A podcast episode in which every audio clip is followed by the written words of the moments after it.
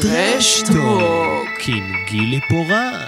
ושני קיניסו טרש. קאלט פודקאסט. ומה שביניהם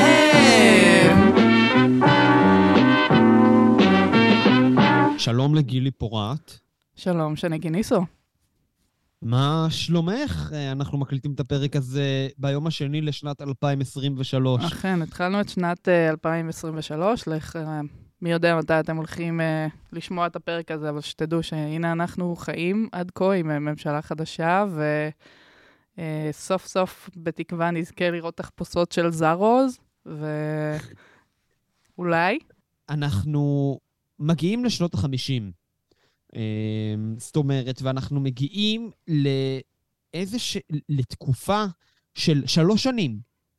אה, בשנות ה-50 בקולנוע האמריקאי, בסרטי המדע הבדיוני בקולנוע האמריקאי, ולשלוש שנים שהייתה סדרה של סרטים, כמובן לא קשורה אחד לשני, אבל פשוט סדרה של, אני חושב, קרוב לעשרה סרטים, שכולם עוסקים בגדלים שונים של אנשים.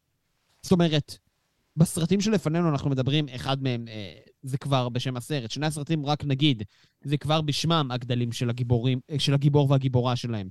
אחד זה אה, The Attack of the 50 Feet Tall Woman, שכפי שאתם מבינים זאת על אישה שהיא עומדת להיות בגובה 15 מטר, אם לא קצת יותר.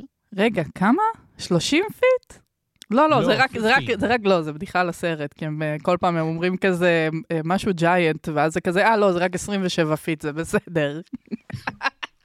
אוי, זה סרט קורע.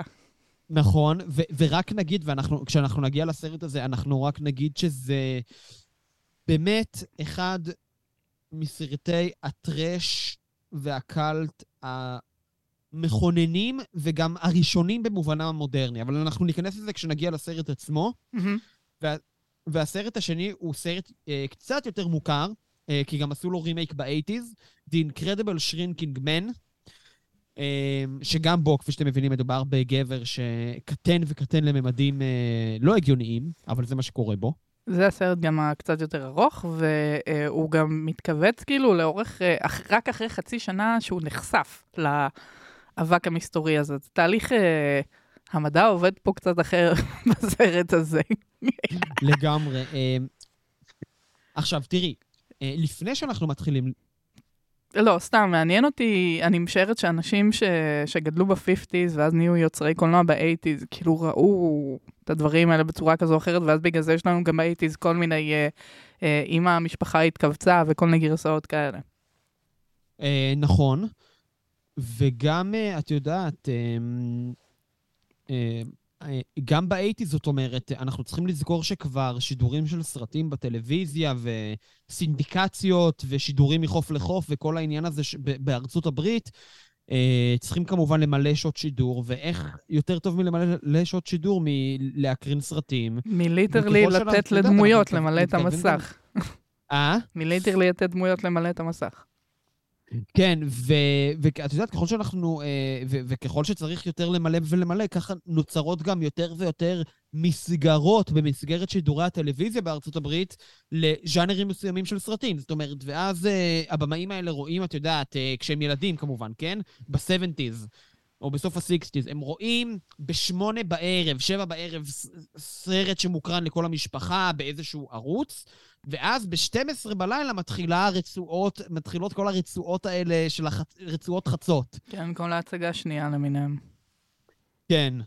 אמ, ושזה כמובן הסרטים, אגב, את יודעת, למה, למה זה נחרד בהם כל כך עמוק בכל הילדים האלה מהאיטיז? כי זה כמובן הסרטים שאסור לראות, שמוקרנים בחצות, ואתה צריך להישאר ער, ואת יודעת, ואנחנו עד היום שומעים סיפורים מכל מיני במאים כאלו, איך הם היו מתגנבים כשההורים שלהם יושבים בסלון ורואים את הסרטים האלה, ומצט... והם מצטלקים כתוצאה מזה לכל ילדותם. שמענו, אה, שמענו סיפורים כאלה גם ממך. אה, נכון, אבל אז את יודעת, אבל אז אנחנו מדברים, את יודעת, אז, אז זה, זה טוב שאמרת את זה, כי אז אני, את יודעת, חשוב להדגיש אז עד כמה הם היו תלויים אבל בטלוויזיה, כן. בשביל לראות את הסרטים האלה. כאילו, היום את יודעת, זה כאילו, לא מובן מאליו היום. כשאנחנו חושבים על זה שפעם אשכרה היו תלויים בטלוויזיה כדי לראות המון דברים, כדי לראות כמעט כל דבר. ובבתי הקולנוע כמובן. כמובן. ואת יודעת, ואם כבר, את יודעת, שאלת למה במאים מה-eighties פתאום, וזה באמת היה איזשהו טרנד ב-eighties של במאים, ליצור כל מיני remakeים הזויים לסר, לסרטי בעיקר מדע בדיוני מה-50's, עולה השאלה עכשיו, מה קרה, מה קרה להם שם לאמריקאים ב-50's, בעיקר בשנים שבהם יצא הסרט 57 ו-58, כך שאנחנו מדברים על תקופה של שלוש שנים, פחות או יותר. מ-56 עד 58 אנחנו רואים את הסרטים האלה של אנשים בגדלים שונים. מה גרם להם דווקא בעשור הזה ליצור את כל הסרטים האלה? אני, אני לא יודעת למה אנחנו כל הזמן מנסים לחפש תירוצים על מה קרה לאמריקאים. האמריקאים הם אומת תפוקה. בשנות ה-20 היה להם מיתון, היה להם את וייטנאם, היה את האיפים, אה, היה אה, בשנות ה-50 מן הסתם את המלחמה שאריות של המלחמות. כאילו, הם, הם כל פעם משהו עובר עליהם. זה לא, הם, אין להם רגע נחת, הם תמיד בסטר, בסטרס. זה לא כמונו שאנחנו אה, מאינתיפאדה לאינתיפאדה, ו, וחוץ מזה מנגלים, נגיד. כן, שמפוצצים פה אוטובוס, ואוקיי, בסדר, נמשיך ביום שלנו. כן, אנחנו, אנחנו אה, בשאננות שלנו, כאילו, לא, לא היו פה הרבה איזה טראומות אה, ברמה לאומית. שאנחנו ממש יכולים לדבר עליהם, ולאמריקאים היה איזה מאה שלמה כזאת. נכון. ואת יודעת, אבל זה, זה גם, כמו את יודעת, וכמו שדיברנו על זה גם בהרבה מאוד פרקים קודמים ובהקשרים שונים, אמ, הסרטים האלה כל כך בולטים וכל כך זכורים, לא רק בגלל שהם באמת תוצרי טרש משובחים מובהקים, אלא גם כי הם באמת מבשרים על מגמות באמת עומק של שינויים היסטוריים וחברתיים וקולנועיים בתרבות ובחברה האמריקאית. אז עכשיו uh, נפרט כמה מהם, את יודעת, ונתחיל מזה שקודם כל, ה-50's זה כנראה העשור האולטימטיבי של סרטי המדע הבדיוני בקולנוע האמריקאי. זאת אומרת, כל הסרטים, רוב סרטי המדע הבדיוני הקלאסיים הם משנות ה-50. נכון, ואז באמת מי, ש, מי שגדל עליהם הצמיח לנו את כל, את כל הספרות וכל הדברים שקרו ב-70's. נכון, אה, וגם... סטאר וורס, דיון וכל הדברים האלה. כן, וזה גם קשור, את יודעת, זה גם קשור כמובן לכל ה... קודם כל זה קשור לתהליך שהמדע בדיוני גם נהיה פופולרי באותה תקופה, בגלל גם העלייה המאוד עצומה בספרות pulp uh, fiction, ש... מבוססת מאוד על מדע בדיוני, וגם, ב, וכמובן עליית קרנם של עוד מיליוני גיבורי קומיקס כאלה ואחרים בארצות הברית בעשור הזה. מלחמת, אבל, מלחמת אה, העולמות, אה, אד ווד באמת עם ה-B movies שלו, היו, היו התקפות מכל מיני כיוונים. אה, תיאוריות חייזרים, היה נכון, Area 51 היה פחות או יותר בתקופה הזאת. כן, נכון, ו...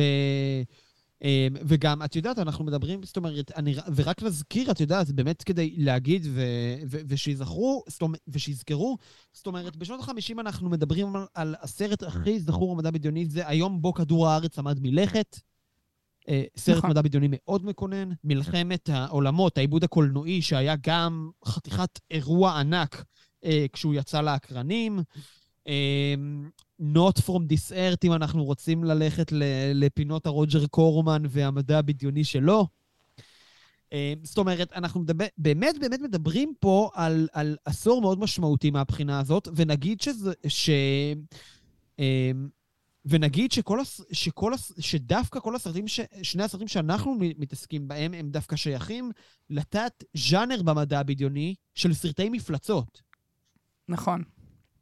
אמ, ועכשיו, נכון, היו את כל סרטי המפלצות המקוננים של אה, אולפני אוניברסל, שזה כל העיבודים הקלאסיים לדרקולה, פרנקנשטיין, אה, הבמאי של The Incredible Shrinking Man, ג'ק גולד, גם ביים את היצור מהלגונה השחורה, שהיה בתלת מימד, וכולם זוכרים אותו מאותו עשור של שנות ה-40. עוד קלאסיקה. אה, אבל שימי לב שכל הסרטי מפלצות, וגם מאזיני, מאזיננו ומאזינותינו היקרים והיקרות, שימו לב, שכל הסרטים האלה מהפורטיז, אנחנו מדברים על יצורים מיתיים, שכבר, כמובן מבוססים על מיטב הספרות הגותית ש, של העולם, אבל עדיין הקולנוע, חוץ מ-The Invisible Man ועוד איזה כמה יציאות פה ושם, מעדיף להתעסק, את יודעת, ממשיך, להמשיך להתעסק במפלצות שהן כבר... גודזילה, מוכרות. קינגונג, כאילו... כן, נראה לי הם חיכו כזה ל... להתפתחות אפקטים. הם, הם לא רצו... חלק כן אה, נורא שיחקו עם כל מיני אה, קרטונים מעופפים בחלל. אה, נכון. זאת אומרת, זאת הסיבה, את יודעת, זאת הסיבה ש... אני אומר שרוב האנשים, הם, את יודעת שהם לא אובססיביים ברמות לא בריאות כמוני לקולנוע, יגידו, אה, סתם, זה התפתחות באפקטים, זה כאילו סיבות כל כך פשוטות, וזה נכון, כן? אני לא אומר שזה לא נכון. אבל שימי לב, ושימו לב שאת יודעת שכל הסרטים האלה, ו- ובגלל זה את יודעת, אנחנו, אני וגילי התעקשנו לעשות דווקא על הסרטים האלה של האנשים בגדלים השונים. כי זה משהו שמייחד את אמצע ה-50's, את התקופה הזאת של השלוש שנים ב-50's, עוד פעם, קרוב לעשרה סרטים כאלה, ו... ועולה השאלה למה. עוד פעם, עוד פעם כן עולה השאלה למה מעבר לאפקטים. התשובה לזה היא נחלקת לכמה סיבות. קודם כל ולפני הכל, וזה גם מתקשר לנו ל-The Incredible Shrinking Man, ותכף, ו- וכשנגיע אליו נדבר על זה קצת יותר בהעמקה. כמובן, החרדה מפצצת האטום במסגרת המלחמה הקרה, אמ, ובמסגרת הניסויים הבלתי פוסקים שגם ארצות הברית וגם רוסיה עושים בפצצות האלה. ואנחנו גם, בואו נזכיר, אנחנו גם קצת יותר מעשר שנים אחרי הירושימה ונגסקי, בכל זאת. ואנחנו גם נגיע לפרק של גודזילה. שב, שבעקבות זה הרינו זה גודזילה. לאיזה, לאיזה גרסה אנחנו עושים? או לכולן? ברור, מה, נעשה על כל הסרטים של גודזילה. האם נביא את גודזילה לאולפן להתארח? עד uh, גודזילה מול uh, קינג קונג, נכון? יש כזה. כן, יש כזה. נעשה הכל. um, אז זו סיבה אחת. סיבה שנייה זה שהטלוויזיות מתחילות להיכנס לבתים הפרטיים בשנות ה-50, ולקולנוע נוצרת חתיכת תחרות. וכדי להחזיר את האנשים לקולנוע, כמו שאנחנו יודעים, שנות ה-50 זה עשור שמלא, באמת באמת מלא בכל מיני גימיקים והמצאות כאלה ואחרות כדי למשוך אנשים לקולנוע. סינימסקופ, טכניקולור, ויסטה ויז'ן, זאת אומרת שזה, כל מה שציינתי עכשיו אה, מלבד טכניקולור, שזה, ה, שזה בכל זאת צבעים, אבל זה גם היה קיים בשנות ה-40, ויסטה ויז'ן ופנורמה ו... פנורמה וויסטה ויז'ן זה כל מיני טכנולוגיות של מסך רחב. אה, של לראות את הסרטים על מסך מאוד מאוד גדול, לפעמים מוקרנים משלושה מקרנים. אז זאת, אה, זאת עוד סיבה. זאת אומרת, שואו כמה שיותר מרשים, וזה גם מתחבר למה שאת אמרת ל, ל, לשימ, ל, להתרחבות של השימוש באפקטים וההתפתחות שלהם. כן, כשהיינו צריכים לפנות את הבית של סבתא שלי אה, אחרי שנפטרה, אז מצאתי כל מיני דברים מגניבים שקשורים לקולנוע סרטיז, והיה שם בין השאר גם ספר, ספר כאילו שמנסה לחכות סרטי תלת, משנות ה-30, זה היה ממש מגניב. וואו. כן, אני אראה לך את זה מתי שאם אתה רוצה, זה מגיע כאילו עם משקפיים כזה של האדום וכחול וזה. מדהים, מדהים. כן. אה, זה, זהו, נכון, וכמו שאת אומרת, כאילו, 50 זה, זה גם באמת העשור. אני חושב ש-50 זה העשור באי הידיעה של תלת מימד. אה, באמת, ושל אה, ניסיונות ליצור ספקטקלים כאלה ואחרים בתלת מימד. אז כל זה זה תגובה לטלוויזיה. אבל כמו, יש גם עוד סיבה שנעבור עליה בקצרה, אה, שהיא שיוצאת פסיקה מבית המשפט העליון, לא פחות ולא יותר, בארצות הברית, שמורה לאולפני, לאולפנים ההוליוודיים הגדולים, אוסרת עליהם אה, להיות, הם בעצם מציבים להם, בית, בית המשפט מציב להם שתי אופציות, וזה גם נחשב גזר דין אה, עסקי מאוד מאוד חשוב, בלי קשר שקשור לתחרותיות בארצות הברית. אה, בתי הקולנוע בארצות הברית, אה, עד אותה תקופה, נשלטו בידי האולפנים הגדולים, וככה הם גם אה, הראו, בבתי קולנוע מסוימים היינו רואים רק סרטים של אוניברסל או רק סרטים של פרמאונט, ומדי פעם היו מקרינים גם סרטים של אולפנים אחרים, אבל זה בגדול, זאת הייתה השליטה. ואז בתי המשפט האמריקאים אומרים להם, חברות וחברים, לא, לא, לא. אתם יכולים לבחור, או שאתם תמשיכו לשלוט בבתי הקולנוע, או שתמשיכו הם, להפיק סרטים. אתם לא יכולים את שניהם, דבר שגם מובן גרם למהפכה ולהקמה של חברות הפצה, ואולפנים נהיו רק אולפנים, וחברות הפצה זה רק חברות הפצה, וכיוצא בזה. נו, למה אין לנו משהו כזה בארץ? אה, נא. מבינה? והם כבר מה-50's, גילי, כבר מה-50's. והם, האמריקאים האלה, כבר משנות ה-50, תלמדו, יונייטד, תלמדו, לב. בעצם כולם תלמדו, לא נראה לי שיש מישהו אחד שיכול אה, לשרוד רק, רק מלהפיץ או רק מזה. גילי, אני רק אגיד שאני מאוד, בדרך כלל אני המתלונן פה, ואת היום הגעת כן. אני- חמה, ואני מאוד שמח מזה. אני באתי, שמח. אמרתי לך, אני כבר לא, אני לא מוכנה ל- לשאת את הכינוי או"ם או שווייץ יותר, וגם אה, זה שילוב של, אה, כאילו, יש לי כאבי שיניים נוראים, כי אני, בן, כי אני טיפשה והייתי צריכה לטפל בשיניים, לעשות איזה טיפול כבר לפני איזה שנה, ועכשיו אה, דפקתי את עצמי והולכים לכאוב לי השיניים עד אזור סוף ינואר, אז אני הולכת להיות עצבנית.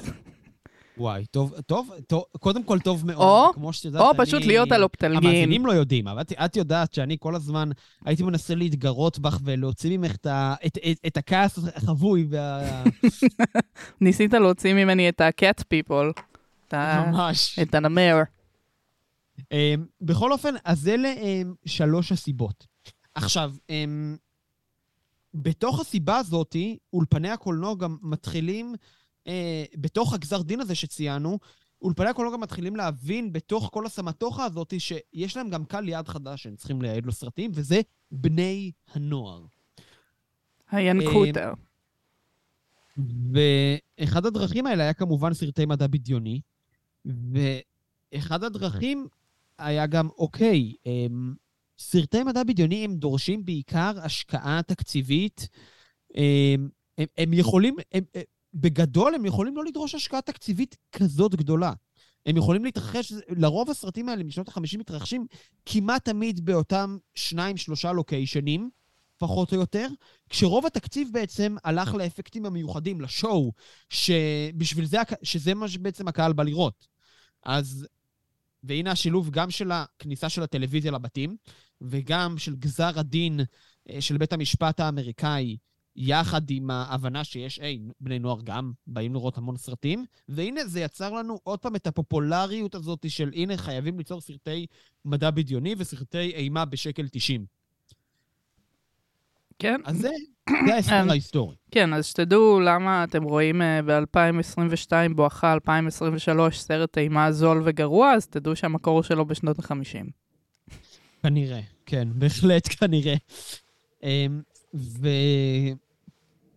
וכל זה מוביל אותנו לסרט הראשון שלנו מ-1957, The Incredible Shrinking Man של אה, ג'ק ארנולד. אמ, סרט, אה, קודם כל, כמו שאמרנו, ג'ק ארנולד הוא באמת אה, במאי שאחראי על שורה בלתי נשכחת אה, של אה, קלאסיקות אה, אה, ב-50's וב-40's גם של סרטי מדע בדיוני. אה, באמת, גם קצרה, באמת באמת קצרה היראה מ- מלהזכיר את כולם. אה, אבל כמו שאמרנו, אה, The Creature from אה, Black Lagoon של יוניברסל שלו, It came from other space, שזה מ-53, וגם אחד מהסרטי מדע בדיוני היותר זכורים. רגע, זה, קור... שלו. זה קורמן, לא? It came from... לא, לא, זה הוא. סבבה. אה, It came from outer space זה לגמרי הוא, עם תסריט כמובן של ריי ברדבורי, של פרנהייט, אה, נכון, נכון, נכון. ועוד, ועוד בתלת מימד. וריי ברדבורי, סרט, ש- תסריט של ריי ברדבורי בתלת מימד, סול, וזה מדהים, מדהים. מתח... מתהפך. בקברו, יפה. אה, אה, נכון, הוא גם עשה את טרנטולה כמובן. גם אה, חיות גדולות זה היה עוד קטע. אה, אה, שחזר את זה בסרט הזה, כן. ובכל מקרה, אגב, גם טרנטולות, גם תכף נגיע לזה, יש גם ב-Incredible שרינקינג מעין טרנטולה. אה, בכל מקרה, אה, באמת במאי אייקוני, אה, ומי שכתב את התסריט של The Incredible Shrinking Man, המבוסס על הספר שהוא כתב, זהו כמובן ריצ'רד מצון, שהוא אייקון, אימה ומדע בדיוני יוצא מגדר הרגיל. זאת אומרת, אנחנו מדברים פה על בן אדם שכתב כמה עשרות פרקים לאזור הדמדומים. גם, אגב, סדרה שלא הייתה יכולה להיווצר, הרי גילי, בשום עשור אחר מעבר ל-50's. אזור הדמדומים. כן, לא, המוזיקה הזאת היא יותר מדי מידית. כדי... אה, כשאני אומרת מידי, הכוונה ל... ל... ל... ל... לצליל הזה של האורגן. כן, כן, ולפורמט, כן. לזה. אה, וזהו, וגם אחראי לכמה מהפרקים היותר זכורים באזור הדמדומים. אה, אגב, אה, כתב גם, אם אני זוכר נכון, גם כתב את הסיפור שאח... שמאוחר יותר עובד לדיול של סטיבן, הסרט הראשון של סטיבן ספילברג, כמובן. Mm-hmm. בכל אופן, זה איזשהו מפגש, את יודעת, מפגש פסגה של מעריצי, ממש של מעריצי הז'אנר ושל שניים האוהבים הכי גדולים של הז'אנר. ו-The Incredible Shrinking Man, כפי ששמו, את יודעת, וחלק מה... חלק מכל העניין הזה, ו... ולמה הסרטים האלה כל כך זכורים זה גם השמות הסנסציוניים האלה, שאת יודעת, הם נראים כמו כותרת מאיזה טבלואיד של איזה שערורייה חדשה שרק פורצת. אמ, אז אמ, The Shrinking Man זה בעצם סרט עם עלילה שהיא לא מורכבת כש, כשאנחנו באים לספר אותה. זוג צעיר שט, ככה נפתח הסרט, זוג צעיר ששט על יאכטה במסגרת נישואיהם, הם כבר, לא איזה ערך דבש, כן? הם נשואים כבר שש שנים, אם אני לא טועה, כשהסרט מתחיל. פתאום מגיע איזשהו ערפל מסתורי לכיוון היאכטה, אה, הגבר עומד בחוץ, האיש, אשתו בתוך, ה, בתוך היאכטה, ולכן היא לא נפגעת. הערפל הזה עובר עליו, משאיר עליו, אה, משאיר עליו קצת אה, נוזלים, כדרכ, כדרכו של ערפל. נוזלים בצורת נצנצים. אוי ואבוי. אוי ואבוי, כן. בכל אופן... כן, נוזלים בצורת נצנצים. נכון, נכון. אה, ובכל אופן, אחרי כמה חודשים, אחרי איזה חצי שנה, אם אני לא טועה, הוא פתאום מרגיש שהבגדים שלו מתחילים להיות יותר קטנים עליו, ולאט לאט כמובן, וכפי שאתם מבינים מהשם של הסרט, הוא פשוט ממדיו קטנים מחודש לחודש. והרופאים מנסים למצוא לו פתרון, תרופה, טיפול. לא עוזר עד שהוא נהיה יותר ויותר... עד שממדיו פשוט מתכווצים. כן, אבל הממדים שלו עוצרים באיזשהו שלב, כנראה כדי שהאיברים שלו לא יקרס... כדי שהם לא יצטרכו להתמודד עם מדע אמיתי, כנראה, של קריסת לא יודעת, של היגיון כלשהו. גילי, אני מאוד אוהב שאת מנסה לחפש היגיון בסרטים האלה, זה, זה מה שאני אוהב. תחכה, יש לי כמה נקודות לזה, מעניינות. אני מאוד צריך לשמוע. אז אה, בקיצור, זה מה שקורה. עכשיו, אשתו נשארת איתו לאורך כל הדרך, אה, ובאיזשהו שלב ההתקטנות שלו נפסקת, ואז היא מתחדשת פתאום עוד פעם. וזה קורה אחרי שהוא כבר הגבר לומד לקבל את עצמו בגודל הזה ולנהל את החיים, בין היתר כי הוא פוגש uh, מי שהיא uh, נמוך, uh, גמדה, מי שמכונה גמדה בפריק שואו של, קריק, של קריקס נודד שמגיע לעיר שלו. גם על הסצנה הזאת נדבר, כי זו סצנה נורא נורא יפה, שהוא מסתכל עליה, על, על הקרקס הזה. ואז הוא גם לומד ככה יותר לקבל את עצמו דרך מישהי שכבר נולדה ככה, ו, ו, ועל זה היא עושה בעצם את הקריירה שלה, אה, מוצגת לרעבה בקרנבלים, כמו שאנחנו מכירים את כל הדברים הישנים האלה מפעם. אמ, וכדי שנ... ואז הוא פתאום נהיה קטן עוד ועוד. ובוקר אחד, ובאיזשהו שלב, וזה באמת, יש שם דברים כל כך... כשהוא נהיה קטן, היום, את יודעת, אז בטח ראו את זה כאימה טוטאלית. היום יש שם דברים שנראים כל כך עמודים, כי כשהוא נהיה יותר ויותר קטן, הוא פשוט עובר לגור בבית בובות, חברים וחברות. כן, והוא מתחמם, הוא מה זה, הוא מנסה להדליק שם גפרור או משהו, ויש את הקטע עם החתול ועם העכבי, יש שם... אז, אז אה, זהו, בדיוק. כל נקטעים אה, חמודים. ואז אה, בגלל, יש להם חתול, בגלל שהוא יותר גדול ממנו, החתול פוצע אותו, וכתוצאה מכך הוא נופל למרתף של הבית. אשתו, שלא הייתה בבית באותו זמן, ואחיו חושבים שהוא מת, עוזבים את הבית, וזה בעצם הופך למלחמה, למלחמה ולסוג של השלמה עבורו על קיומו והישרדותו. זה הופך, כן, לחתול versus מן. טרנטולה versus מן, וכל זה כמובן עם, uh, עם הקריינות שלו ברקע על כזה פילוסופיה, הגות. כי כמובן שלא נוכל להתחבר בלי הדבר הזה לפשוט דמות של גבר שהיא מתכווצת, כי זה אומר שהיא מאבדת מהגבריות שלה, אז הוא חייב לעשות לנו את התמלולים האלה בדרך.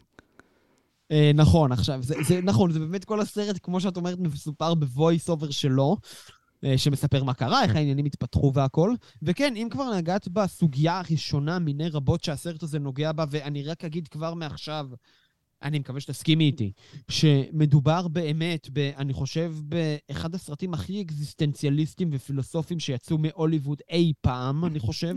כן, זה מאוד אה, רוברט ברסון איש. נכון, ברסון הוא היה פילוסוף יותר, או... אה, מי זה מ- מאוד ברסוניש, אבל זה יותר באמת מזכיר לי אקזיסטנציאליזם כזה, את יודעת, של הצרפתים. זהו, ניסיתי לחשוב מי מהצ... אבל על מי מהצרפתים אני חושבת, שהוא אקזיסטנציאליסטי, אבל בסגנון הזה. כי זה לא דמי, וזה לא... לא, קמי זה... זה... למ- יש שם גם קמי. אגב, יש שם גם קמי, זה לא שאין. אמ, אבל כן, אה, ברקסון כמובן, סארט, סארטר. אמ, סארט. סארט. סרטר, כן. כן, סרטר כמובן. אמ, ו... בקיצור, זה מאוד מאוד קיומי, אבל אנחנו ניגע בזה. זה אחד מהדברים הכי פילוסופיים שיצאו, ואקזיסטנציאליסטיים שיצאו מהוליווד אי פעם. אבל מעבר לכך, כבר נגעת בעניין הזה של המגדר, ואני חושב שזה באמת אחד ההיבטים הכי מרתקים בסרט. תראה, מניחים לנו את זה בטייטל, בכותרת בשני הסרטים. בשני הסרטים יש לנו, סליחה? כבר בשני הסרטים ברור לנו שיהיה פה היבט מגדרי. זה לא, זה לא קריאה שלי מאמצע שום מקום.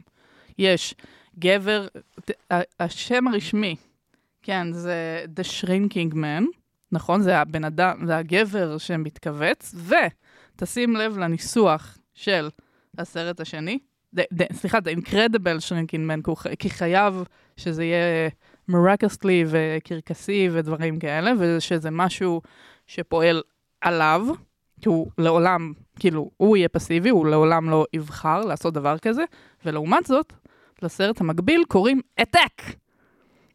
כן, ההתקפה של האישה בגובה 50 פוט, שאחרי זה... נכון, אפילו, אפילו, אפילו בלי, בלי הדה.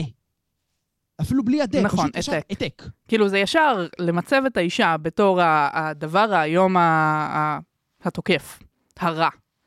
כבר מכאן, נכון. רק מהכותרת של זה. נכון, וזה לגמרי גם בזה, אבל אה, תראי, אני חושב שגם מאוד מאוד אה, אה, חשוב לשים לב לדברים הבאים. הרי בבסיס של רוב סרטי המדע הבדיוני מה-50's בארצות הברית, אה, זה גם באזור הדמדומים ככה כמובן, בפרקים היותר מד"בים והיותר אימתיים.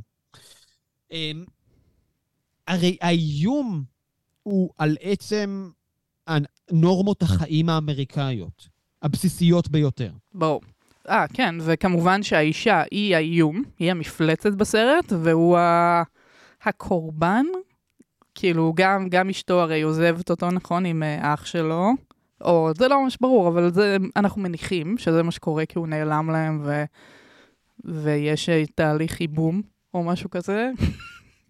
לא, נכון, ו- ו- וגם תראי, הם, הם, כאילו, אני אומר את זה, את יודעת, וזה, וזה, וזה מאוד מובן מאליו, אבל זה גם, את יודעת, חשוב עוד פעם לזכור את זה על הרקע של המלחמה הקרה והאיום האטומי שכל הזמן עמד שם ברקע. האיום החיצוני, ואת יודעת, אנחנו רואים את זה בצורה פוליטית הרבה יותר ישירה בסרט אחר, אולי הסרט הכי חשוב של אותו עשור, הכי זכור, פלישת חוצי הגופות של דון סיגל, מבחינת המלחמה נכון. הקרה והכל. ופחד מסובייטים ומפצצת אטום. האיום על עצם החיים האמריקאים והערכים האמריקאים אמ, מודגש פשוט בכל הסרטים האלה בצורה באמת יוצאת דופן, עד כמה, זה, עד כמה הם נתונים באיום. הרי בגלל זה אנחנו כל הזמן דואגים גם להדגיש לנו את המרחב של הערים האמריקאיות, של הפרבר האמריקאי וכיוצא באלה. ובגלל זה, א', זה, זה מאוד גאוני בעיניי, כי גם הם, אה, זה מיעוט של סרטים שהם, שהם קורים בשנות ה-50 ובאמת מתייחסים לתקופה הזאת, כאילו סרטים שמתייחסים לתקופה שהם יוצאים בה, שלרוב אין הרבה סרטים כאלה, בדרך כלל סרטים מדברים על עתיד קרוב או רחוק או עבר, כאילו, ואלה סרטים שממש מדברים על שנות ה-50 ועל אה, המשפחתיות, ערכי המשפחה, הלוסי, כל, כל הדברים האלה של שנות ה-50 ממש בזמן אמת, שזה מהמם. כנראה גם בין השאר בגלל הזולות של ההפקה, אז הייתה את היכולת לעשות את זה.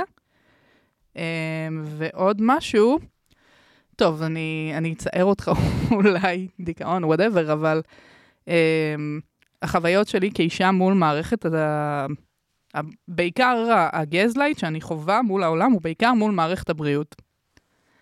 אמ, של, אה, לא יודעת, אם יש איזה כאב או איזה משהו, אז כל דבר זה כזה, לא, את ממציאה, לא, תבדקי את זה, שולחים אותי למלא בדיקות, לזה, וזה literally מה שקורה לאישה הזאת. לא מאמינים לה, עושים לה gaslight. לא, היא היחידה שרואה את העב"ם, לא מאמינים לה. אה, חושבים שהיא משקרת, אה, נותנים לה כדורים פסיכיאטריים, נותנים לה מורפיום. אה, באמת, עושים כל דבר אפשרי, whatsoever, אפילו שהבן, שהרי, אה, בעלה, רואה את החייזר הזה, הוא בורח. כן, כאילו לא להתמודד עם זה. לעומת זאת, הגבר גם לוקח לו הרבה יותר זמן אה, כאילו ל- להתכווץ. חצי שנה מאז החשיפה של הזה, אז זה גם תהליך הרבה יותר איטי. אז כאילו זה מאוד הגיוני לכאורה שלא יאמינו לו, למרות שממש על ההתחלה, הוא משווה, הבן, הרופא שהוא הולך אליו, משווה שני צילומים, יום אחרי, כאילו בהפרש של יומיים, וממש מהר הוא אומר לו, כן, אתה באמת מתכווץ, זה לא, זה לא סתם. נכון, נכון. אה, וואי, זה, לג... לא חשבתי, אבל זה לגמרי ככה, אבל גם... אה, אה, את יודעת, אם אנחנו באמת, אה, אם באמת אה, נשווה את זה, רגע, כמו שאת אמרת, ל-Attack of the 50 foot woman. לא, אבל תדבר אה, שנייה על מה שרצית, התחלת משפט. או שאתה לא זוכר מה רצית. לא, לא זוכר. אה, אני לא אבריח על זה. לא, לא, הכל טוב. בכל מקרה, תראי, האיום פה על אורחות החיים האמריקאים הוא כל כך גדול, שכמובן הגבר הוא זה ש... הגבר הלבן האמריקאי הוא זה שיסבול מזה מן הסתם. אמ, כמובן, הוא היחיד שסובל כל הזמן. כן, וכמובן, ואת יודעת, ולא צריך גם כמובן, אמ, לא צריך כמובן, אה, את יודעת, למה ההתכווצות הזאת עוד ניתן להשוות אותה, לאיזה איבר בגוף ולאיזה מונח של גבריות. בוודאי ובוודאי כשאת יודעת, באחד מהש... שכמה מהשוטים הכי, את יודעת, הכי עוצמתיים רגשית לגיבור בסרט, זה שהוא כל כך קטן ואשתו נשארת בגובה טבעי. חשבתי שזו הפנטזיה הנשית האולטימטיבית. תראה, הוא יכול כמו לטפס על הר ולכבוש. אוי ואבוי. כן, גם, אני מניח שגם אפשר לראות את זה ככה. ו... אמ, למרות שהסרט, אה, הנגיעה שלו במיניות היא מאוד... כאילו חצי לא קיימת כזה. לא, לא, היא, היא חצי לא קיימת, אני רק, מה שאני בא להגיד שזה שם, זה יותר מגדר, עוד פעם, כמובן, כן? כן, כמובן. אמ, אבל אה, תפקידי זה מגדר, גם חלק כן. שהוא מעניין. עכשיו, רק נגיד שהערפל הזה, את יודעת, כדי להסיר את זה, כי זה גם, זה לא חלק מהנושאים בסרט, וזה גם משהו שמאוד מפתיע. הערפל הזה, אומרים ישר, זה קשור לקרינה רדיואקטיבית, נחשפת לקרינה רדיואקטיבית, וכאילו, תראי, מרוב שהאיום הזה כל כך קיים היה, לא כנראה, מרוב שהוא כל כך קיים במוח האמריקאי ובחרדות האמריקאיות, לא מתעכבים על זה אפילו, לא מתעכבים על מאיפה באה הקרינה הזאת, איך היא פתאום באה בלב ים, האם היה איזשהו ניסוי צבאי, האם היה פוצצו פצצת אטום באיזה אי סמוך והנשורת הגרעינית הגיעה אליו בדרך כזאת או אחרת, לא, זה פשוט נחשפת לנשורת גרעינית וזהו. כן, והוא הבן אדם... וזה לא נקודה בסרט, זה לא התמקדות. אשתו הייתה על הסירה, והוא הבן אדם היחיד שחטף את זה.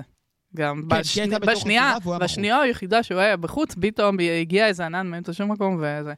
אה, אם, אם היינו עושים גרסה כזאת בארץ, זה כנראה היה מטוס, מטוסים כזה שמזריעים עננים. אני בטוחה שזה היה משהו כזה, כל מיני קונספירציות כאלה.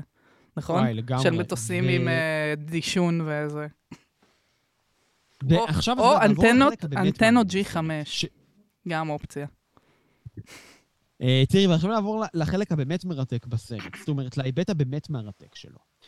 ואני אגש אליו בכוונה דרך העניין הבא, דרך האפקטים ובניית הסטים והתפאורות המטורפת והמהממת של הסרט הזה. אה, האפקטים, כמובן, הם, הם ברובם היום, אנחנו רואים אותם, והם נראים נורא פשוטים, סוג של גרין סקרינים, כשהוא הולך ברחוב והוא נהיה גמד כזה וקטן. אה, וכמובן זוויות צילום שהן מלמטה ומאוד אה, מעצימות ומאיימות, אבל יש שם גם אה, בניית סטים מדהימה, זאת אומרת, שבנו מספריים יותר גדולות ממנו, שבונים, שבונים את, ה, את הבית בובות שהוא מתגורר בו יותר גדול ממנו וכיוצא באלה. עכשיו, מעבר לזה שזה כמובן בא לדמות את החוויה שלו ואת הקיום שלו עכשיו ואת האימה שלו מפני, מפני העניין, זה, את יודעת, אני אתחיל את, ש... את הנקודה שאני רוצה להגיד מקלישאה, שזה אחד מהסרטים שממחישים הכי טוב שקולנוע, עד כמה קולנוע מסוגל להעניק לך נקודת מבט שונה וייחודית על החיים ובכלל, כולל של סובייקט אחר לחלוטין, שהוא גיבור או גיבורת הסרט, במקרה הזה גיבור הסרט. אמ, אבל דרך הבניית אפורה והסטים הזאת, וה, והתחושה, עכשיו אמרנו, של ההזדהות שהן יוצרות, וכמובן זוויות הצילום, אמ, את יודעת, אנחנו... מה שקורה פה זה שהסרט הזה בעצם מתעל את המסגרת הז'נרית ואת המסגרת של הבי מובי שלו, על מנת להיות, כמו שאמרנו בהתחלה, משל קיומי אקסטנציאליסטי לחלוטין, של ממש שאלות יסוד פילוסופיות מתחילות לקרות לנו. זאת אומרת, ההגדרה העצמית פתאום, הזהות, המקום של האדם בעולם אל מול היקום, זה גם, את יודעת, באמת המקום להגיד שזה סרט סביבתי שהקדים את זמנו כאילו במיליון שנה מהבחינה הזאת. כן, לגמרי, הוא נוגע בהרבה, אני משערת הרבה פילוסופיות שהתעסקו בהן בזמנו, אה, גם בהקשרים דתיים, כל מיני... אה, Um, לא זוכרת מי, מי היה בהקשר הזה, זה בטח גם אחד מהצרפתים של עם האלוהים והאבן ולהרים וה, והדבר הזה. Um, אז יש כל מיני uh, נקודות בהם הסרט נוגע נכון. בהם בצורה כזו או אחרת. נכון, ותראי... בפעם היחידה בערך שאנחנו נוגעים בפילוסופיה בפודקאסט וזה. כן, טוב. מה, מה? לא, בערך בפעם היחידה שאנחנו נוגעים באופן ישיר בפילוסופיה בפודקאסט, ואני עושה כזה, כן, פילוסופיה זה צרפתים ודברים כאלה, אבל כן. די, נו, לא נורא, הכל טוב. Uh, בכל מקרה, uh, uh, תראי, מה שקורה בס... לקראת הסוף של הסרט, שבכל uh, המערכה האחרונה בעצם, מהתקיפה של החתול שפוצע אותו ואז הוא נופל שם ל... ל... ל... ל... אה, נו, ל basement של הבית, אני לא יודע למה אני אומר basement, כי פשוט ברח אחרי המילה בעברית משום מה. המרתף.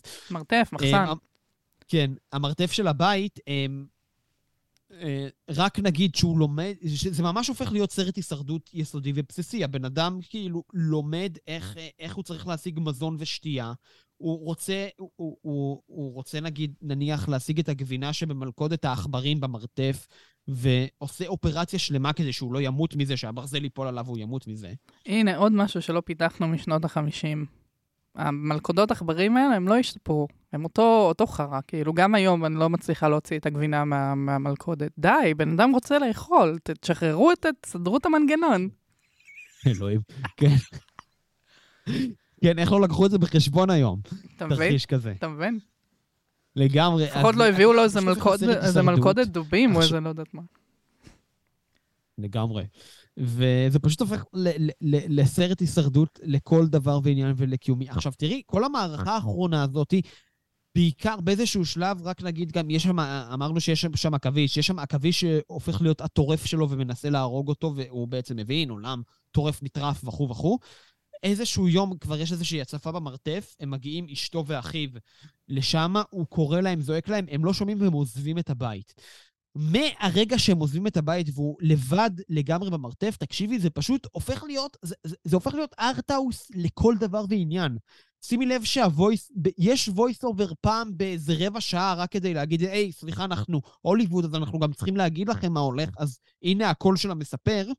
אבל זה ממש, בגדול, ממש הופך להיות אמ, אמ, ארטהאוס לכל דבר ועניין. זה מתמקד בפעולות שלו, בשקט שלו, ואת יודעת, וזה... אנחנו ממש יכולים להכיל על זה את כל... זאת אומרת, אה, הייתי, גם הייתי וגם הרבה מחבריי הטובים. אה, בקיצור, דן חיוטין יכול להכליל את זה בכיף בקורס קולנוע רוחני שלו. קורס קולנוע רוחני, כן, כן. לגמרי. וכן, זה ממש, יש שם ממש רגעים ברסוניים לחלוטין. כאילו, ממש רגעים ברסוניים. אמ, וזה גם, אה, ו, ו, ומה שהכי מפתיע זה כמובן, את יודעת, הסוף של הסרט. הרי אני בטוח שגם אני וגם את, כשראינו את הגרסה הזאת המקורית בפעם הראשונה מה-50's, היינו בטוחים שיהיה איזה happy ending, הוא יחזור לממדיו הטבעיים או שאשתו תחזור לבית ותגלה אותו. לא, זה לא הסוף של הסרט. לא, ה vibe שהסרט נתן זה לא בהכרח שהוא הולך לכיוון חיובי. כאילו, או שיהיה לנו מין אה, סוף אה, כזה באמת אה, לא, לא פתור, שכזה, או שאולי הוא ימשיך לקטון עוד. אה, אבל לא, לא בהכרח חשבתי שזה יהיה סוף חיובי, ואם יהיה, אז שלא בהכרח נראה אותו, נגיד. כי הוא, כבר, אמ, כי הוא כבר השלים עם הגודל.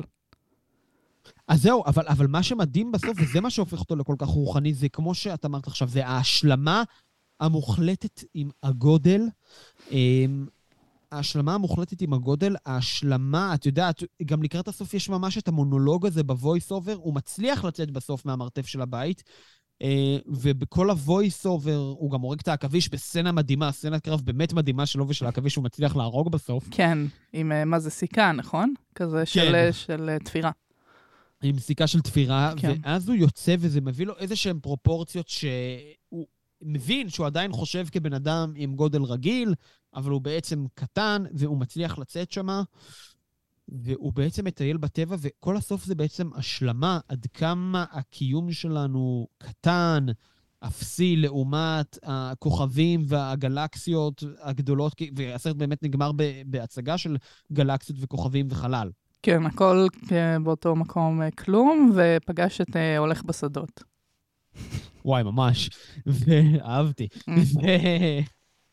אמ, אבל את יודעת, אבל עוד פעם, אנחנו מדגישים את זה, את יודעת, וזה זה סוף של השתאות, כן? זה ממש סוף של השתאות, וזה סוף, עוד פעם, מה שמדהים בו זה באמת הקבלה המוחלטת הזאת. אמ, ו...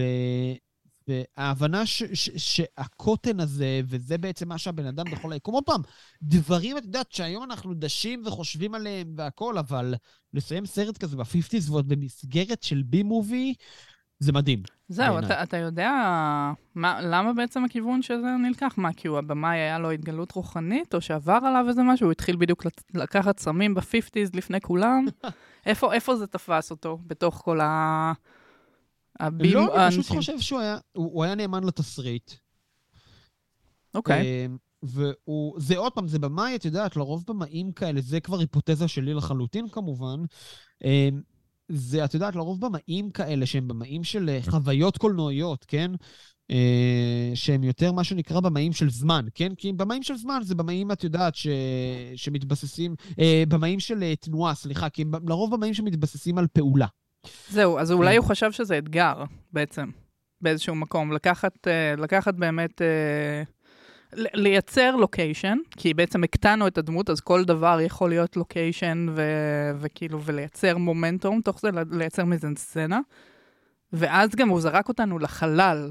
דמות סופר סופר קטנה, מול, כאילו, זה כבר, זה... הד- הדימוי כאילו כל כך ברור פה, בעצם. שאנחנו... לגמרי. כן. לא, לא, לגמרי, ואני מסכים איתך, וזה באמת, אה, זאת אומרת, אה, באמת סרט שגם עוד עובד היום בצורה נהדרת לדעתי. אז הנה, אז באמת לפני שראיתי אותו בפעם הראשונה, לא חשבתי בהכרח שהוא ילך ל... כאילו, אמנם אנחנו... יש לנו את ה-voice overים מההתחלה, בסדר, אבל לא, לא יודעת אם הייתי בהכרח חושבת שהסרט ילך לכיוון אה, אקזיסטנציאליסטי, או כאילו כיו- כיוונים כאלה ממש הוא התחיל. אה, וזה זה כן היה מעניין. אה, זה מרתק, אני חושב שזה, שזה זה, זה מה שהופך את הסרט הזה ל, לכל כך נהדר. אמ, וכן, ו- ו- ו- זה סרט- נפלא, מה, מה אני אגיד? כאילו, מדהים. טוב. ו- ו- ועוד פעם, אני רק אדגיש את זה עוד פעם, הוא לוקח את המסגרת הזאת שהוא יודע מראש שהיא נחשבת פלפ, שהיא נחשבת זולה, שהיא נחשבת בי מובי, ועובד איתה, את יודעת, בצורה כל כך מקורית ומדהימה, זאת אומרת, שכל החוויה באמת, עוד פעם, נוצרת מפיור קולנוע ומפיור חוויה קולנועית, של בנייה במיוחד של סטים, ולפעמים אפילו רק של העמדות מצלמה וזו, ו- ובחירת זוויות נהדרת. טוב, אולי אני אזרוק אותנו עכשיו למקום הכי, לא הכי קשור, אבל גם שראיתי שוב את, אמ, את המנסרים 2, מצד אחד הוא כאילו, אני משערת, הוא נראה יותר טוב כאילו מהראשון, אבל אה, העובדה שהם כאילו בנו, המערה הזאת שלהם, גם, זה, זה ממש לברוא עולם, כל מה שהולך שם. מ, לגמרי. מ, כאילו, כלום. לגמרי. אה, מסכים לגמרי, והנה, אה, את יודעת, אה, אנחנו קופצים שנה קדימה. קופצים שנה לאלף- קדימה.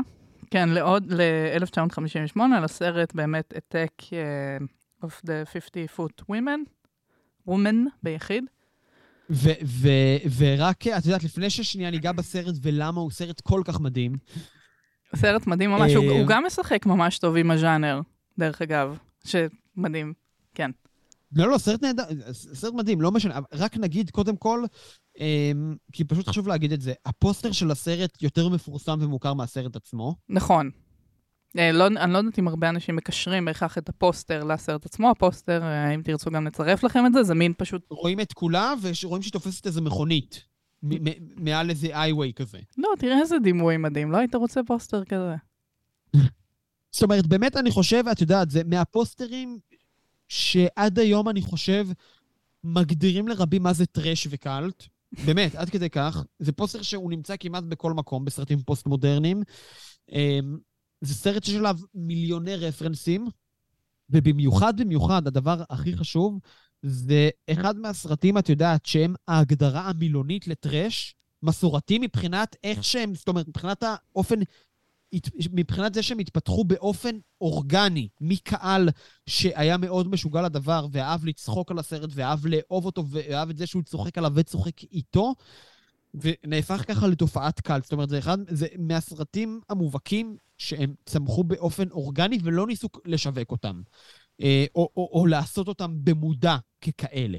לגמרי, וגם הרבה, לא יודעת אם הרבה מהשחקנים, אבל לפחות אליסון אייז הלכה אחרי זה לעשות. מעבר למוות הנוראי שלה, היא הלכה לעשות שורה מדהימה של סרטי בי מוביז אחרי זה. אמ, אז שאפו לה, למרות שבאמת לצערנו מוות נוראי. נכון, ורק נגיד שזאת אומרת, זה גם הפך ככה באופן אורגני לקאלט וטרש, עוד פעם, בגלל מה שציינו בתחילת הפרק, השידורים את יודעת, בטלוויזיה של הסרט לאורך השנים, אה, הקרנות חוזרות ונשנות שלו בכל מיני מקומות. עוד פעם, באמת מהסרטים שהפכו לתופעה אה, של, של ההגדרה הקלאסית של טרש ושל איך התופעה עצמה נוצרת. כך שזה מרתק. אה, טוב, ובנוגע לסרט עצמו... דם, דם, דם. כן. בנוגע לסרט עצמו.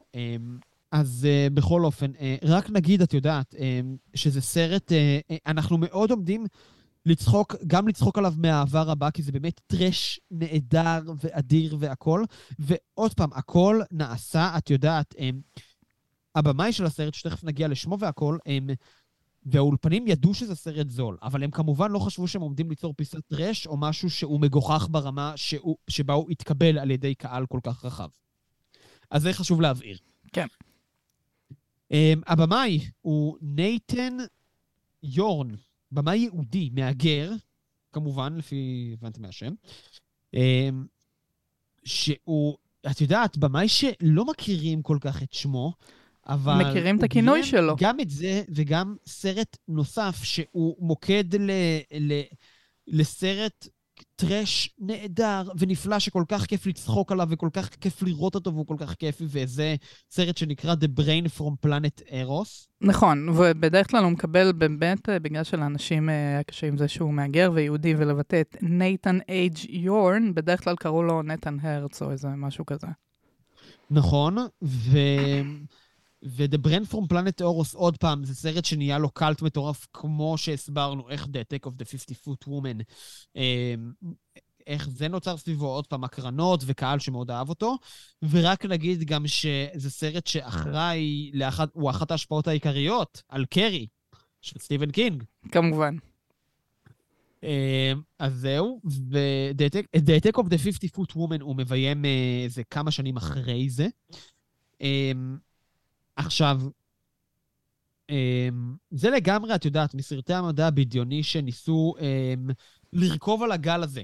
אה, סרט שאני אפילו לא יודע מאיפה להתחיל לדבר עליו מרוב שכל כך איקוני. אפשר להתחיל מהיד השעירה הזאת, או מהכדור, או מזה שיש שוטר שכל התפקיד שלו בסרט זה פשוט לנסות לדרוס אנשים.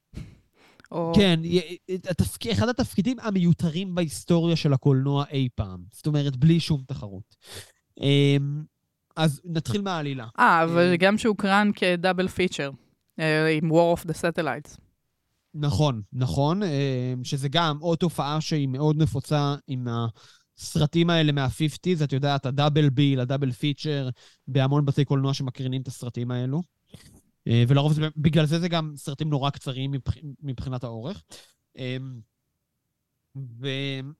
ואנחנו גם פה מדברים על איזשהו זוג נשוי שגר בעיירה אמריקאית קטנה. אה, הבעל כל הזמן בוגד באשתו. אה, בבר המקומי ומזלזל בה. וואי, איזה, ו- איזה דמות תפוקה. באמת, הוא כאילו... מה, היא כאילו כל הזמן נחמדה אליו, וקוראת לו הארי, וכל מיני כאלה, והוא פשוט... אה, בו, כאילו, היא קוראת לו handsome Harry, brave Harry, ו faithful Harry, והוא כאילו לא שום דבר מהדברים האלה. נכון. ו... אה, והוא מנסה גם להיפטר ממנה. והיא, והיא, אנחנו מכירים אותה כשהיא נוסעת אה, בשכרות, בשכרות על אחד ה... ה- הכבישים באזור, הכביש, הכבישים, אני אומר, על אחד הכבישים באזור, ופתאום היא רואה איזשהו אה, כדור יורד מהשמיים, נוחת על הכביש, אה, כדור עגול כזה, יד ענקית יוצאת ממנו, יד צעירה כזאת. ושעירה מאוד, שעירה מדי. יואו, אחד מהפרופסים הענקים, כן. וזהו, נוגעת בה קצת, והחללית אה, חוזרת השמיימה. אה, היא בימים הקרובים לאט לאט מתחילה להרגיש לא טוב. אה, אומרת לבעלה, בוא ניסע, חופרת לו כזה, בוא ניסע, נראה את, את, את העניין הזה, כאילו, ואז הוא אומר לה, טוב, בואי, אני בא איתך, וכולם אומרים לה כמובן שהיא משקרת ומדמיינת, כי למה לא? לא, ו- יש, אה, ל- לא יודעת אם להגנתו, אבל כן, יש לה, גם היא כאילו משתכרת כל הזמן אה, כתוצאה מ... מבגידותיו של הארי, וגם כנראה לטענת הסובבים, יש לה עבר פסיכוטי או משהו? לא יודעת. נכון. אף אחד לא זוכר את זה ויש סיבה, כי זה לא חשוב. אה, בכל אופן, אה, הם יוצאים, הם לא מוצאים את זה, ואז בוקר אחד היא פשוט מתעוררת 50 feet tall. לא, לא, זה לא סתם בוקר אחד. בוא, בוא תתאר שנייה את מה, ש... מה שהוביל לסיטואציה הזאת. בואי, בואי, תתארי יד, בבקשה. טוב, אז באמת היא, היא אובססיבית לדבר הזה, היא, כמו שכל בן אדם שרואה כדור ויד ענקית שעירה נוגעת בו, וכאלה, כן, אני משערת שגם אתם תהיו כנראה אובססיביים לסיטואציה הזאת, אבל אף אחד לא מאמין בה, כי באמת כי היא שיכורה ואישה, אז היא כנראה ממציאה דברים, ופסיכוזה ולה לה לה לה לה. אז יש איזה אחר צור, מעבר לפלירטוטים של הארי עם כל נשות העיר האחרות, הוא שולח, גם שולח אותה שהרופא יבדוק אותה. וגם יש, לה, יש להם אחות בבית, שממש משגיחה על זה שייתנו לה מורפיום, שזה גם מאוד מעניין, כי עד כמה שאני זוכרת באותה תקופה, אה, אנשים ממש שנאו אה, ביג פארמות, כבר אז. לא רק היום שונאים אה, ביג פארמה. אז העובדה. שפשוט נותנים לה מלא מלא מורפיום, ואז פתאום היא נהיית בן אדם ענק, זה מדהים. ואז הם שוקלים פשוט לתת לה עוד מורפיום. כאילו, כי זה נורא עזר פשוט כי זה פשוט נורא שעברה. קשור. גם כאילו, איך תת... מה, כאילו, איך, איך תשנו את הכמות עכשיו? נתתם לה כבר דוז שלם, בדרך כלל על דבר כזה... אבל כן. קיצור, אז זה, זה מתחיל בזה ש, שמין, קושר, יש שם סצנת בונדד ומורפיום, וזה הופך ל... ל... היא הופכת לענקית פשוט. כן. כן, לא, וגם רק נגיד שאת יודעת, אה, נגיד למאזינים ולמאזינות שטרם צפו ביצירה המדהימה הזאת, אה, ש... שזה מאוד קשה לנו כרגע לא להיכנס לכל סצנה וסצנה, כי יש שם סצנות שהן פשוט קורעות. וואו. יש, נגיד, יש סצנה שה... שה... בלי שום כוונה, רק נגיד ש, שרוב העלילה, עד שהיא נהיית גדולה, שזה רק ברבע שעה האחרונה של הסרט, רוב העלילה היא מלודרמטית, כל מה שתיארת עד עכשיו, ומלודרמטית רצינית גם. נכון, זאת זה, זה, זה הזוג ביניהם כזה באמת רבים, או יש שם סצנת משטרה לכאורה, של עד שהם מחליטים שבא להם לחקור את הדבר הזה, אז יש את, ה, יש את השוטר באמת שמנסה לדרוס אותם כל הזמן, אבל חוץ מזה, יש את הרגעים, נגיד, שהיד שאנחנו עוקבים אחרי הענק, גם אפקט מדהים, מתה על זה, אז הוא, הוא מרים את המכונית של המשטרה. המכונית, לפני שהוא מרים אותה, היא רכב משנת 58 פלימאוט סבברן, וגון כזה, הוא מרים, וכשהוא מחזיר אותה, זה חוזר להיות מכונית אחרת. אה, מדהים. איי, איי, איי, זה מה שנקרא באמת, כל, ש- כל, ש- מה ש- שבי כל הקלישאות מ-53. של טראש ושל סרטים גרועים קורות בסרט הזה מבחינת דיאלוגים, משחק, התפתחות, טעויות, errors כאלה של הפקה ושל continuity וכאלה. באמת, גם כמו שציינתי קודם, הם אומרים בהתחלה, אה, היא בגובה של 30 feet. לא, היא, היא 15, היא, היא נעה בין, אה, נראה לי הכי גבוה שנתנו לה היה באמת 50, אבל היה גם 12, היה 25, הם לא היו החלטיים בגובה, פשוט גבוהה. כן, כל, כל, כל סצנה, הגובה שלה משתנה בהתאם לבן אדם. ובהתאם לזה... וכנראה בהתאם לשחקן באותו רגע, ש, שזה מה שהמספר שהוא זכר. ובהתאם לזה הפחד. עוד משהו מדהים, זה מין עיירה דרומית כזאת לכאורה, אבל לכולם יש מבטא כאילו הם בברונקס. נכון. ואז, ואז את יודעת, מה שהכי מצחיק באמת, עכשיו אני נזכר, זה שאת יודעת, אז יש כל מיני שורות או ביטים של ניצבים, וזה במבטא דרומי כאילו למהדרין, כאילו, כן, פתאום, כמו, פתאום הם דרומים. כמו כזה סרטים אמריקאים ש, שעושים uh, עלילות של, של צרפת כזה, אתה מכיר? כן. בכאלה בסגנון. ראיתי שגם הרבה מתייחסים לזה בתור הפריקוול של The Hills Have Eyes. וואה. כן. מעניין. מעניין. אה, אבל דבר, כן. לא, לא, ובכל אופן, אה, ועכשיו מעבר לכל הצחוקים, וזה באמת קורה מצחוק, אנחנו לא מכחישים, זה באמת סרט כיפי וקורע מצחוק. אמ, באמת, הדברים המעניינים, זה סרט שכולו מוצדק בגלל רבע שעה, עשרים הדקות האחרונות שלו. כן, בגלל כל מה שקורה במערכה האחרונה, המערכה האחרונה של הטרללת, ש... וואו, אה, פמיניסטיות רדיקליות, אה, גל שלישי והלאה, תיקחו את זה לש, לכל מה שאתם רוצים, זה נראה לי רלוונטי לכם. ותראי, וזה, לפני שאת יודעת, אני נכנס לזה, אני חוזר ומדגיש, זה מה שכל כך מדהים, מיוחד ויפה בטרש בשיאו. אז זה שהבמאי ואף יוצר והתסריטאי לא התכוונו לפירוש שנביא עכשיו, אבל זה בפירוש שם, ואין לי ספק, אגב, שגם בזמן אמת היו צופים ומבקרים שראו והבינו את זה ככה, או היו מאוד בכיוון של מה שאנחנו עומדים לפרש עכשיו, אמ, ו... וזה היופי של הטרש. הזיהוי הזה, את יודעת, של...